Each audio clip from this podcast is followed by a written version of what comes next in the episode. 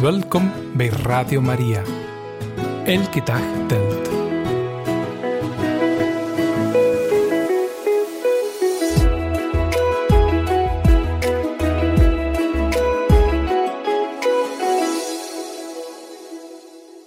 Welkom, beste luisteraars van Radio Maria.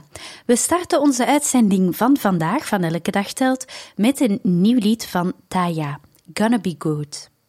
Een vrolijk lied om ons te helpen om altijd te blijven vertrouwen op God. Hij voorziet in alles. En Taya die heeft haar lied, zoals ze zelf schrijft op haar sociale media, gebaseerd op een passage uit het Evangelie van Matthäus. Het gaat over uh, hoofdstuk 6, versen 26 tot 34. Let eens op de vogels in de lucht. Ze zaaien niet en maaien niet, en verzamelen niet in schuren, maar uw hemelse vader voedt ze. Zijt gij dan niet veel meer dan zij? Kijkt naar de leliën in het veld, hoe ze groeien. Ze arbeiden, nog spinnen. En in het vrolijk lied zingt Taya het volgende. Kijk naar de vogels, hoe vrij ze vliegen. Kijk naar de lelies, die zo wild groeien. Nee, ze vragen zich niet af als er regen zal komen of dat de zon ooit tevoorschijn zal komen. Dus maak ik me geen zorgen over morgen. Ik heb ongeveer een miljoen redenen om u te prijzen. Ik heb ongeveer een miljoen verhalen te vertellen, om te vertellen hoe u altijd. U maakte altijd een weg. Ik weet misschien niet waar we heen gaan, maar ik weet dat het goed zal zijn. U kent mijn nood al voordat ik het bid. U kent me beter dan ik zelf. Dus ik zal me geen zorgen maken over morgen. En laten we, beste luisteraars, luisteren naar dat mooie lied Gonna Be Good, een vrolijk lied van Taya. Look at the birds, how free they fly. Look at the lilies growing so wild. No, they don't wonder if rain's gonna fall down or if the sun will ever come on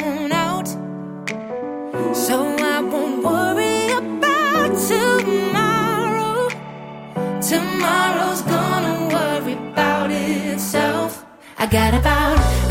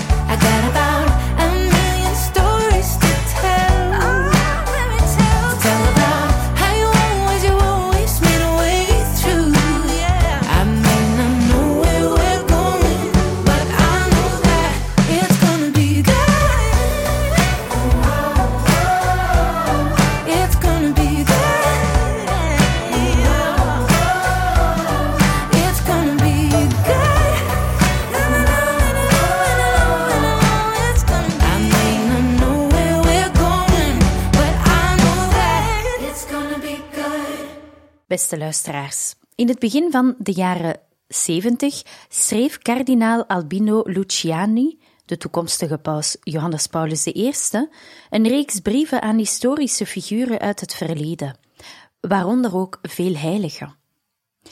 En hij schreef de brieven tussen 1971 en 1975 voor de katholieke krant Messaggero di San Antonio. En zijn brieven werden later gebundeld in een boek met de titel Illustrissimi, aan de illustere personen. En we hebben bij dit boek al reeds meermaals stilgestaan en vandaag gaan we stilstaan bij een van zijn brieven die gericht was aan Franciscus van Sales. En hij begon de brief met een verwijzing naar het hart van vlees van de heilige. Je schreef zelf dat je een hart van vlees had, dat bewogen was, dat begreep, dat de werkelijkheid in gedachten hield en wist dat mensen geen pure spirituele mensen zijn, maar mensen, mensen met gevoel. En met dit hart had Franciscus van Sales de unieke gewoonte om nooit een gesprek te beëindigen, hoe saai het ook werd. Als, al als universiteitsstudent in Padua maakte je een regel voor jezelf om nooit een gesprek met iemand uit de weg te gaan of in te korten. Hoe onaardig en saai het ook werd, om bescheiden te zijn en zonder brutaliteit, vrij en zonder en vrij en met soberheid, zachtmoedig en zonder aanstellerij, buigzaam en zonder tegenspraak.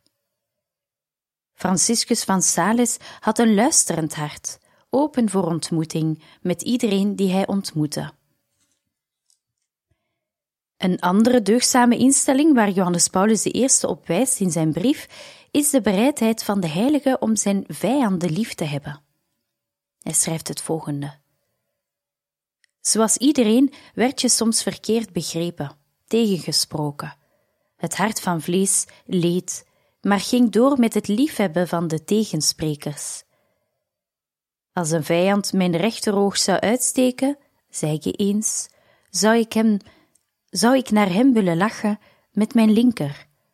Als hij mijn beide ogen zou uitsteken, zou ik nog steeds een hart hebben om van hem te houden. En de brief van Johannes Paulus I benadrukt veel van de deugden van Franciscus van Sales en waarom hij een heilige is die Johannes Paulus I wilde imiteren. Een bijzondere brief, beste luisteraars, dat gaat over uh, luisteren. En ik stel voor dat we naar die brief gaan luisteren, de brief gaan voorlezen voor jullie.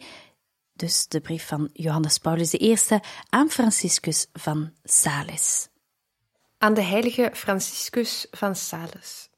Franciscus van Sales, heilige en kerkleraar, leefde van 1567 tot 1622. Hij studeerde bij de Jezuïeten te Parijs en daarna aan de Universiteit van Padua, waar hij dokter werd in het burgerlijk recht. Hij koos voor een kerkelijke carrière, werd bisschop van Genève en zette zich in voor de bekering van de Calvinisten. Hij besteedde zijn beste tijd aan kinderen, armen en zieken. Hij schreef verscheidene geestelijke werken, waaronder Inleiding tot het devote leven en Verhandeling over de goddelijke liefde. Scheepgaan met God. Hoogst aimabele heilige. Over u heb ik een boekje nog eens opnieuw gelezen. Franciscus van Sales en ons vleeselijk hart. Het is in tijd geschreven door Henri Bordeaux, lid van de Académie Française. Dat u maar een hart van vlees had, is iets dat u zelf het eerst hebt geschreven. Een hart dat deernis voelde, de mensen begreep en rekening hield met de werkelijkheid. U wist dat de mensen geen zuivere geesten zijn, maar dat ze een zinnelijk lichaam hebben. Met dat menselijk hart hebt u gehouden van literatuur en kunst. U hebt buitengewoon fijngevoelig geschreven en u hebt zelfs uw vriend Bisschop Camus aangemoedigd romans te schrijven. U hebt u beminnelijk neergewogen tot allen om iedereen iets mee te geven. Reeds als student te Padua had u zich voorgenomen nooit een gesprek met iemand te ontwijken of af te breken, hoe onsympathiek en vervelend die iemand ook was. Bescheiden en niet aanmatigend te zijn, vriendelijk en niet gekunsteld, toegeeflijk en niet bedweterig. U hebt uw woord gehouden. Uw vader had voor u een rijke en knappe erfgename uitgezocht en u hebt hem heel beminnelijk geantwoord: Papa, ik heb mademoiselle gezien, maar ze verdient iets beters dan mij. Als priester, missionaris en bisschop hebt u veel tijd besteed aan anderen, kinderen, armen, zieken, zondaars, ketters, burgers, adellijke vrouwen, prelaten, vorstelijke personen. U hebt, zoals iedereen, onbegrip en tegenwerking ondervonden. Uw hart van vlees leed daaronder, maar u bleef uw tegenstanders beminnen. Als iemand me het linkeroog uitstak, zo hebt u ooit gezegd, dan voel ik dat ik hem nog wel willend zou aankijken met mijn rechteroog. Als hij ook mijn rechteroog uitstak, zou ik nog mijn hart hebben om hem te beminnen. Velen zouden dit het toppunt vinden. Voor u ligt het toppunt ergens anders. U hebt geschreven: De mens is het toppunt van volmaaktheid in het heelal. De geest is het toppunt van volmaaktheid in de mens. De liefde is het toppunt van volmaaktheid van de geest. En de liefde tot God is het toppunt van volmaaktheid van de liefde. Het toppunt, het volmaaktste en het hoogste in het heelal is voor u dus God beminnen. U bent dus voor het primaat van de liefde tot God. Gaat het erom de mensen tot goede mensen te maken? Laat dan die mensen beginnen God te beminnen. Als eenmaal die liefde in hun hart ontbrand is en stevig brandt, dan volgt de rest vanzelf. De moderne geneeskunde leert: een lokale aandoening is niet te genezen als men niet zorgt de gezondheid van het hele lichaam te herstellen door middel van algemene hygiëne en door krachtige maatregelen, zoals bloedtransfusie en andere infusen. In dit verband hebt u geschreven: Een leeuw is een machtig beest dat veel fysieke middelen tot zijn beschikking heeft. Hij kan rustig gaan liggen slapen, zowel in een, in een verborgen hol als midden op een pad waar andere dieren voorbij komen. Uw conclusie was: word geestelijk leeuwen. Vult uzelf met de kracht van de liefde tot God. Dan hoeft je niet bang te zijn voor het ongedierte van uw tekortkomingen. Dit was volgens u het systeem van Elisabeth van Hongarije. Deze vorstin woonde dikwijls een bal of andere vermakelijkheid aan het hof mee. Maar dat bracht haar geestelijk nut in plaats van nadeel. Waarom? Omdat bij een windvlaag, bekoringen, de grote vuren van liefde tot God nog worden aangewakkerd, terwijl de kleine vuurtjes uitgaan. Verloofden van deze wereld zeggen: Uw hart is een prieel. Maar later ontdekken ze dat het prieel helaas niet voldoet en willen ze daar niet langer verblijven, omdat hun hart er kou heeft gevat. U hebt geschreven: Zodra de bijenkoningin naar buiten vliegt, wordt zij omringd door haar bijenvolk. Zo neemt, als in een hart de liefde tot God binnentreedt, tegelijk ook de hele stoet van andere deugden daar zijn intrek. Verwachten dat de deugden gevonden worden in een ziel die God niet bemint, is, volgens u, hetzelfde als van vandaag op morgen een sportprestatie verwachten van een slap lichaam.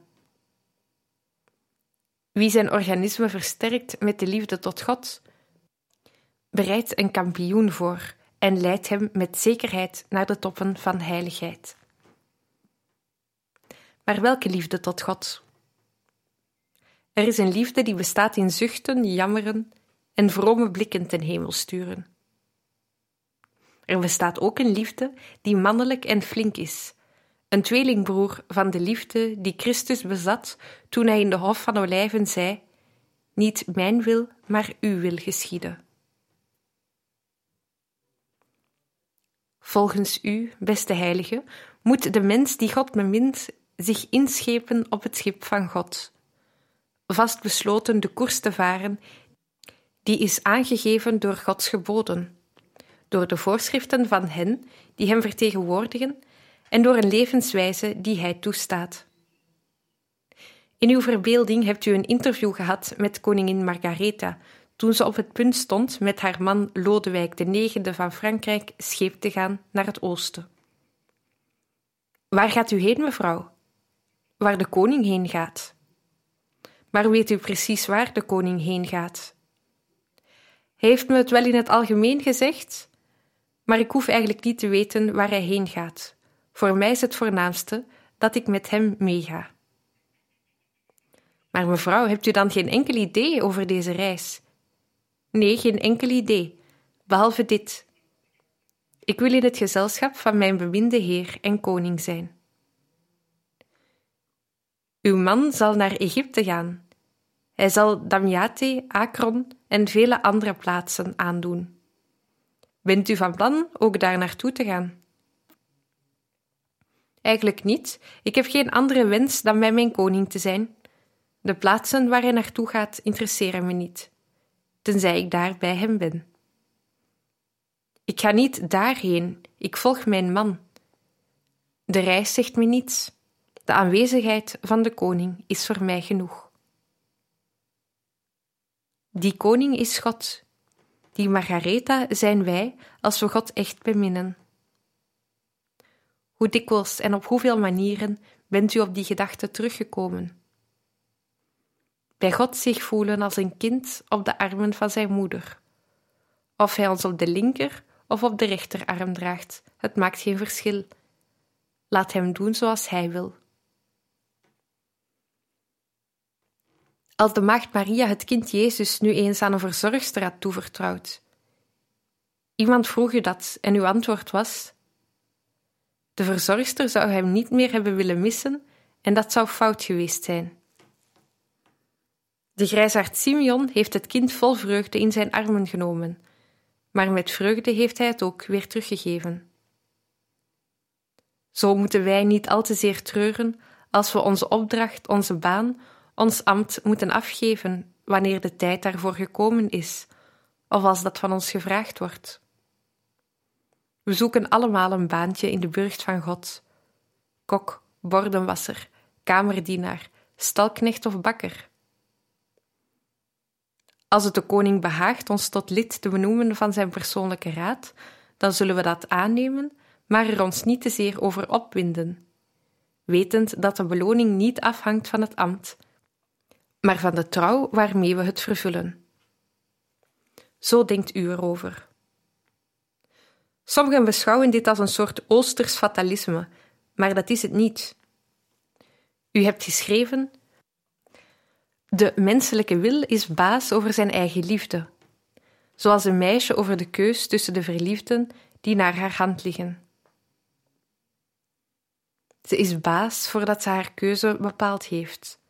Maar als ze eenmaal gekozen heeft en een getrouwde vrouw is, dan is de situatie omgekeerd.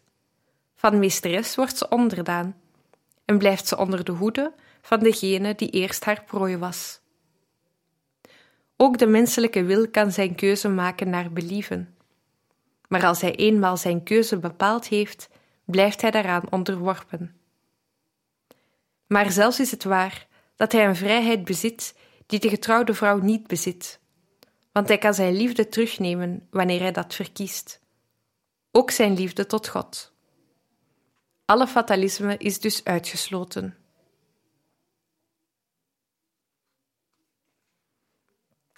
De politici moesten u eens kunnen horen. Die meten elke handeling af naar het succes. Lukt het? Dan is het in orde. U zegt, ook een mislukte daad is in orde. Als ze gedaan is uit liefde tot God. De verdienste van een kruis dat we dragen wordt niet afgemeten naar zwaarte ervan, maar naar de manier waarop het gedragen wordt. Zo kan het verdienstelijker zijn een kruisje van stro te dragen dan een groot ijzeren kruis. Als men het doet uit liefde tot God, kan eten, drinken of wandelen verdienstelijker zijn dan vasten of zichzelf geeselen. Maar u gaat nog verder en zegt: De liefde tot God kan in zekere zin de dingen veranderen. Ze kan handelingen goed maken, die op zich onverschillig of zelfs gevaarlijk zijn. Dit is het geval met dobbelen of dansen. Als men het doet ter ontspanning en niet omdat men er gek op is, een poosje en niet tot men er moe en suf van wordt, nu en dan, zodat het niet een inspanning wordt in plaats van een ontspanning. We moeten dus letten op de kwaliteit van onze handelingen, niet zozeer op de kwantiteit. Hebt u gelezen wat kort voor, uw tijd Rabelais geschreven heeft over de devoties die men de jonge Gargantua, vader van zijn Pantagruel, aangeleerd had? 25 tot 30 missen per dag horen, zoveel malen Kyrie eleison bidden, dat het voor 16 kluizenaars genoeg zou zijn. Als u dat gelezen hebt, dan hebt u daarop ook het antwoord gegeven in de vermaningen voor uw zusters van de visitatie. Het is goed vooruitgang te maken, maar dat moet niet zijn in het aantal van uw godvruchtige oefeningen, maar in de manier waarop je ze verricht. Het vorig jaar hebt je driemaal in de week gevast. Dit jaar wilt je dat aantal dagen verdubbelen, en dat kan. De week is lang genoeg. Maar het volgend jaar. Als je het aantal nog eens wilt verdubbelen, zult je negen dagen in de week moeten vasten, of twee keer per dag. Denk eraan, het is dwaasheid als martelaar in India te willen sterven en ondertussen hier uw plichten niet te doen. Met andere woorden, het gaat niet om het verrichten van veel devoties, maar om het hebben van devotie, om het devoot zijn. De ziel is geen put die gevuld moet worden, maar een fontein waaruit de waterstralen moeten omhoog springen. En niet alleen de ziel van die zusters. Volgens deze beginselen is heiligheid niet meer het voorrecht van kloosterlingen en wordt ze een mogelijkheid en een plicht voor iedereen. Het wordt niet een gemakkelijke onderneming. Het is de weg van het kruis, maar meestal een gewone weg. De een of ander zal de heiligheid bereiken met heldhaftige verlangens en daden, als een arend die hoog in de lucht zweeft. Maar de meesten zullen haar bereiken door gewone dagelijkse plichten te vervullen, maar dit niet op een gewone manier. Niet als duiven die van het ene dak op het andere vliegen. Waarom willen vliegen als een arend? Waarom de woestijn of een streng klooster opzoeken als men daartoe niet geroepen is? Laten we niet doen als zenuwleiders die kersen willen hebben in de herfst en druiven in het voorjaar. Letten we op hetgeen God in overeenstemming met onze levensstaat van ons vraagt. U heeft eens geschreven: Mevrouw, u moet uw gebeden wat inkorten, anders komen uw huishoudelijke plichten in het gedrang. U bent een getrouwde vrouw, wees dat helemaal zonder te preuts te zijn. Maak het uw gezinsleden niet lastig met u te veel in de kerk zitten. Zorg dat uw devotie van die aard is dat uw man er ook mee instemt. Maar dat zal hij alleen doen als hij voelt dat je volledig vrouw zijt.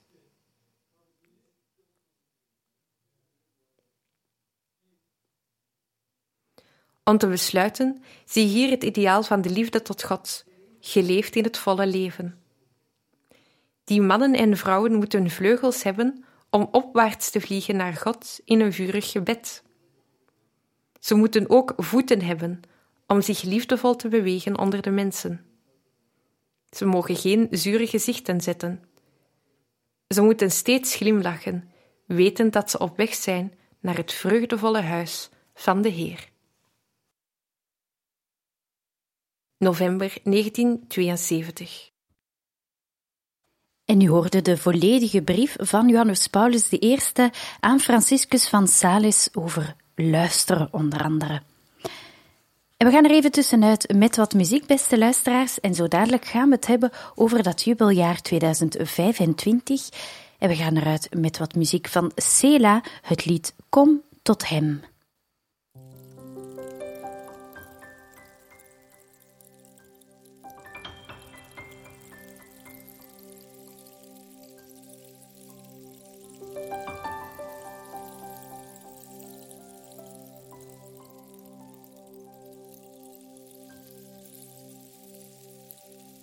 Als je doorstaat.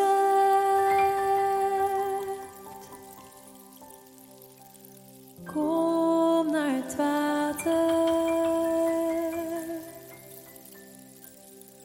Kom als je niets meer te geven hebt. Kom.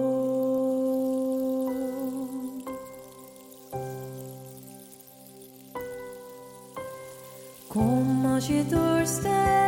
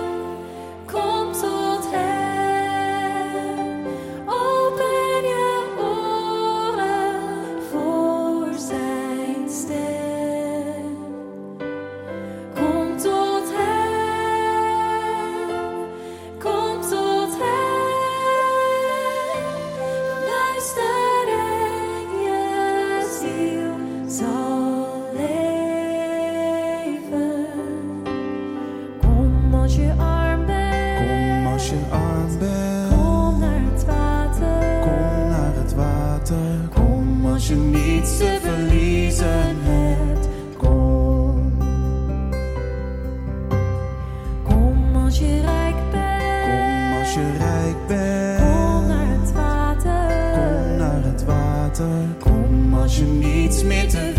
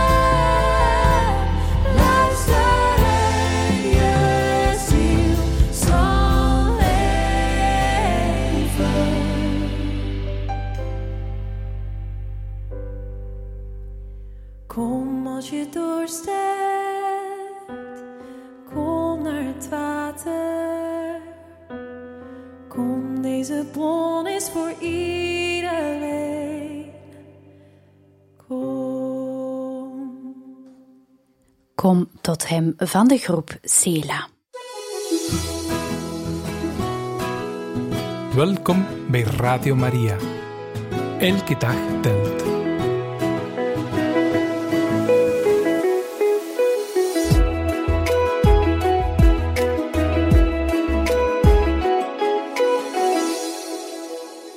En we gaan het vandaag, beste luisteraars, nog hebben over dat jubeljaar 2025.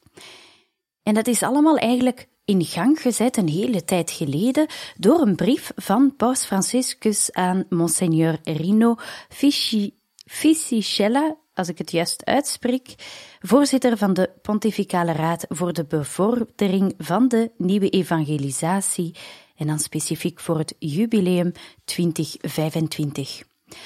Het is een brief geschreven door Paus Franciscus te Rome op 11 februari 2022. En ik stel voor dat we die brieven overlopen en zo meer te weten te komen waarom dat jubeljaar. Het jubeljaar is altijd een gebeurtenis van grote spirituele, kerkelijke en sociale betekenis geweest in het leven van de kerk.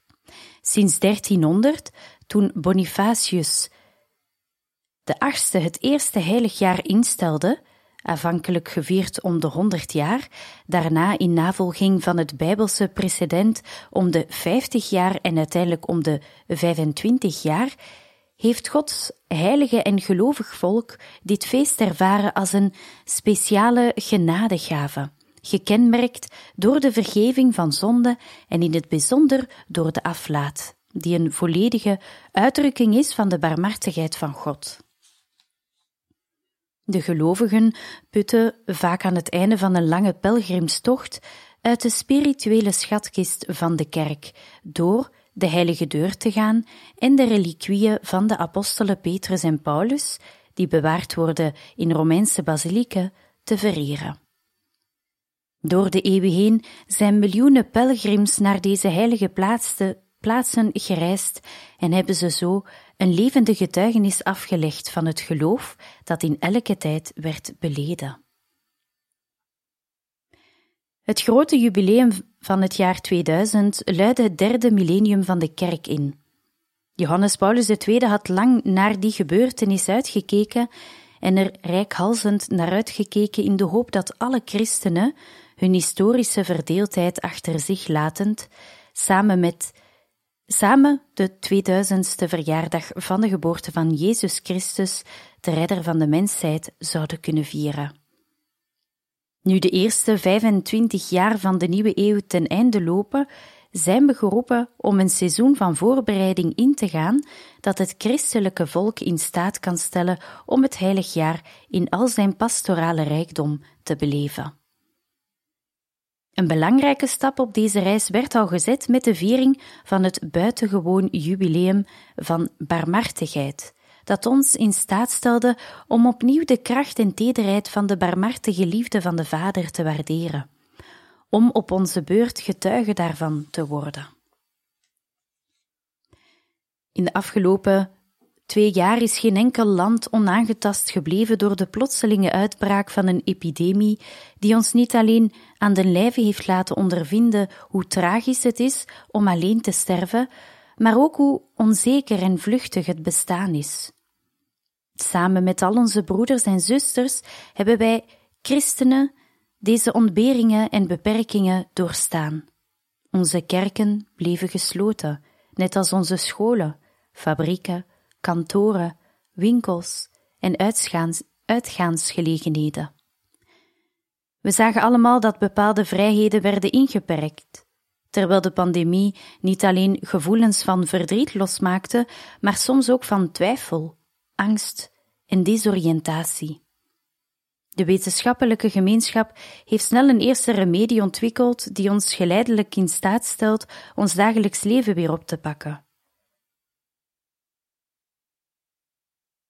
En wij hebben er het volste vertrouwen in dat de epidemie overwonnen zal worden en dat de wereld zal terugkeren naar het gebruikelijke patroon van persoonlijke relaties en sociaal leven.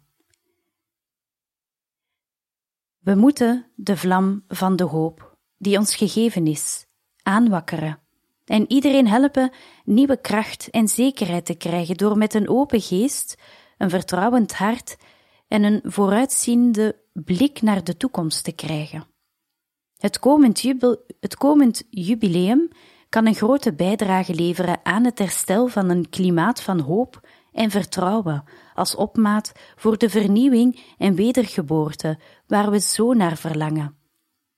Daarom heb ik als slogan, als motto voor het jubileum gekozen voor pelgrims van de hoop.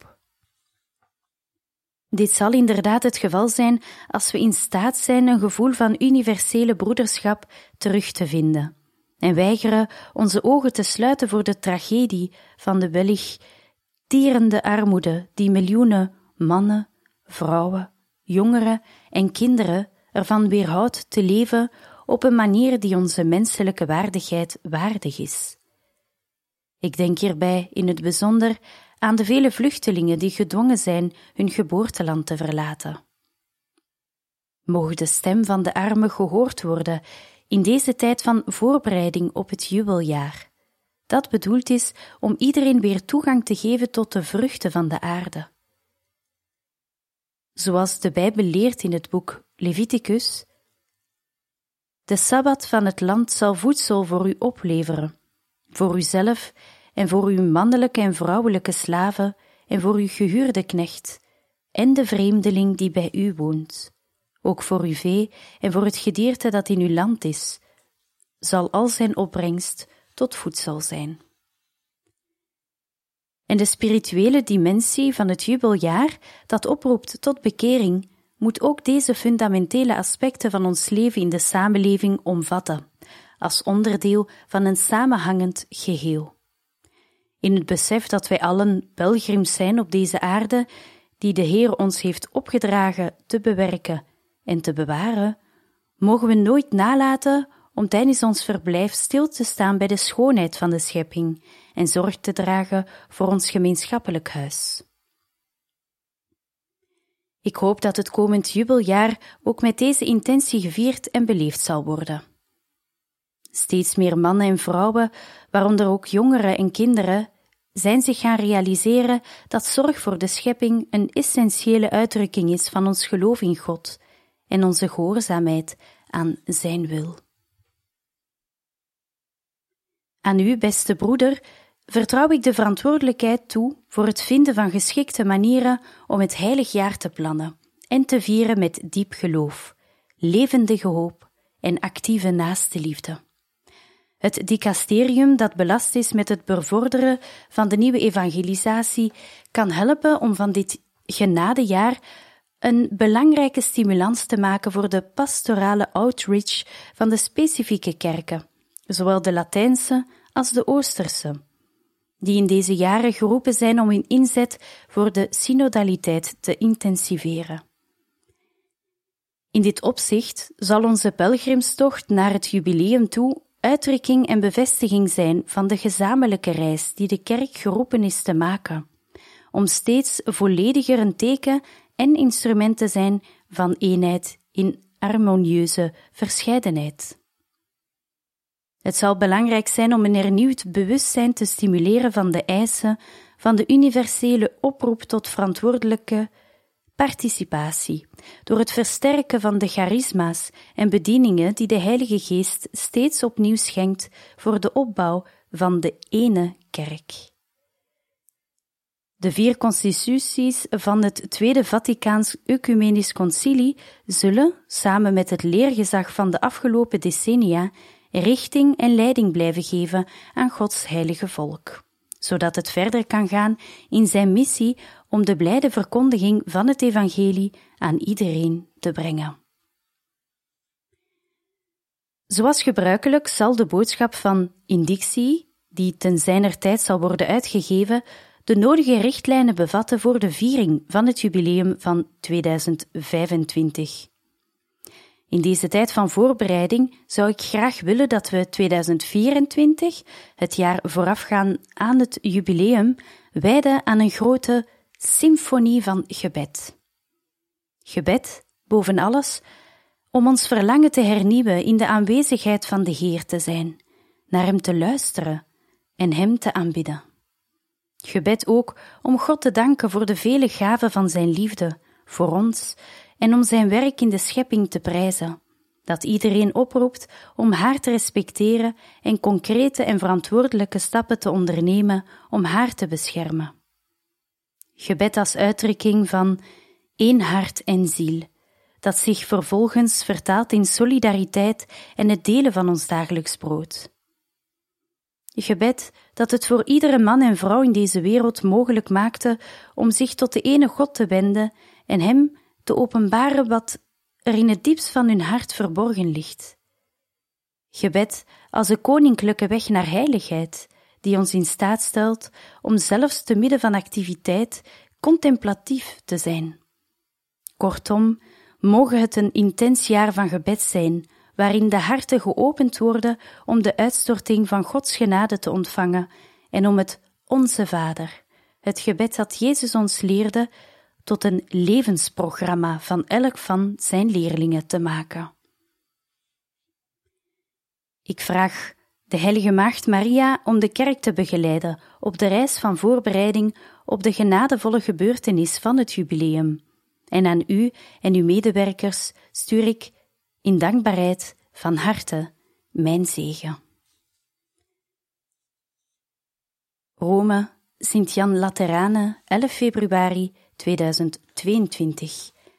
En deze brief is dus getekend door Paus Franciscus. Een brief, zoals u hoorde, geschreven in februari 2022 en dit aan Monseigneur Rino Fisichella, voorzitter van de Pontificale Raad voor de bevordering van de nieuwe evangelisatie, en dit eigenlijk om het jubileumjaar 2025 aan te kondigen. Morgen, in Elke Dag Telt, beste luisteraars, gaan we daar zeker nog verder op in, want ondertussen bestaat er al reeds een website met van alle informatie over het jubeljaar en ook over de vorige jubeljaren. En we gaan daar samen, zeker in verschillende uitzendingen van Elke Dag Telt, bij bij stilstaan. En er is dan ook nog een officiële hymne geschreven, Pelgrims van de Hoop, voor dit jubeljaar. Dat is voor morgen en natuurlijk ook nog voor komende week.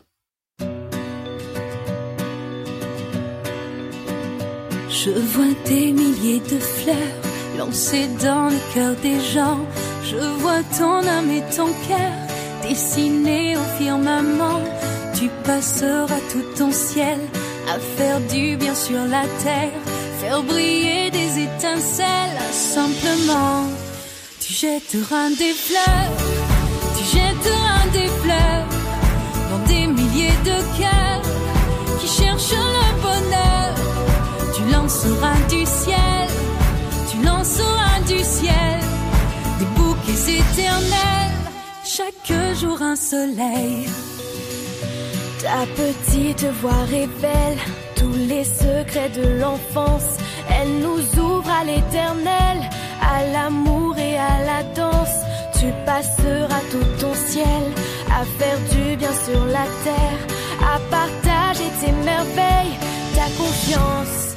Tu jetteras des fleurs, tu jetteras des fleurs dans des milliers de cœurs qui cherchent le bonheur.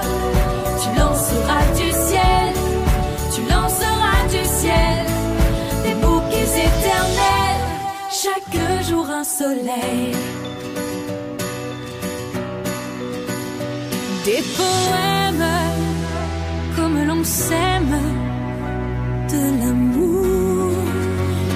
je t'aime, des ritournelles pour toujours.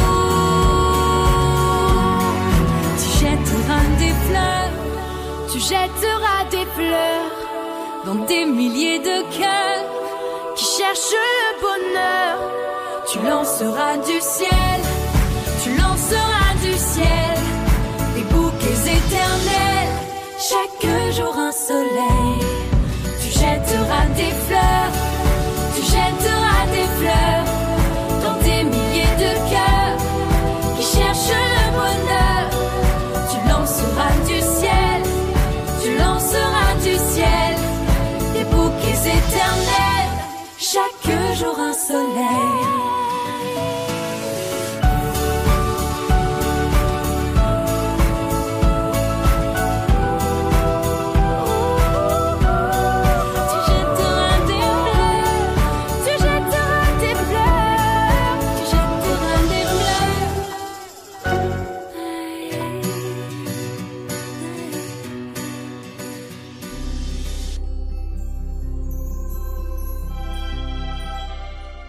En zo, beste luisteraars van Radio Maria, zijn we aan het einde gekomen van deze uitzending van Elke Dag Telt.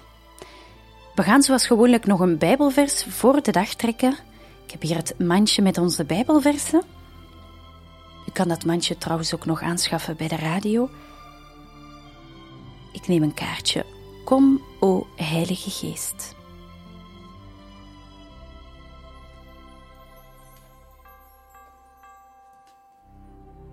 Als de Zoon u vrij maakt, zult gij werkelijk vrij zijn.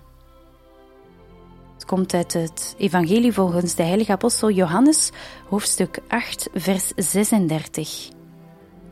Als de Zoon u vrij maakt, zult gij werkelijk vrij zijn. Beste luisteraars, nog een zeer fijne dag gewenst en tot morgen.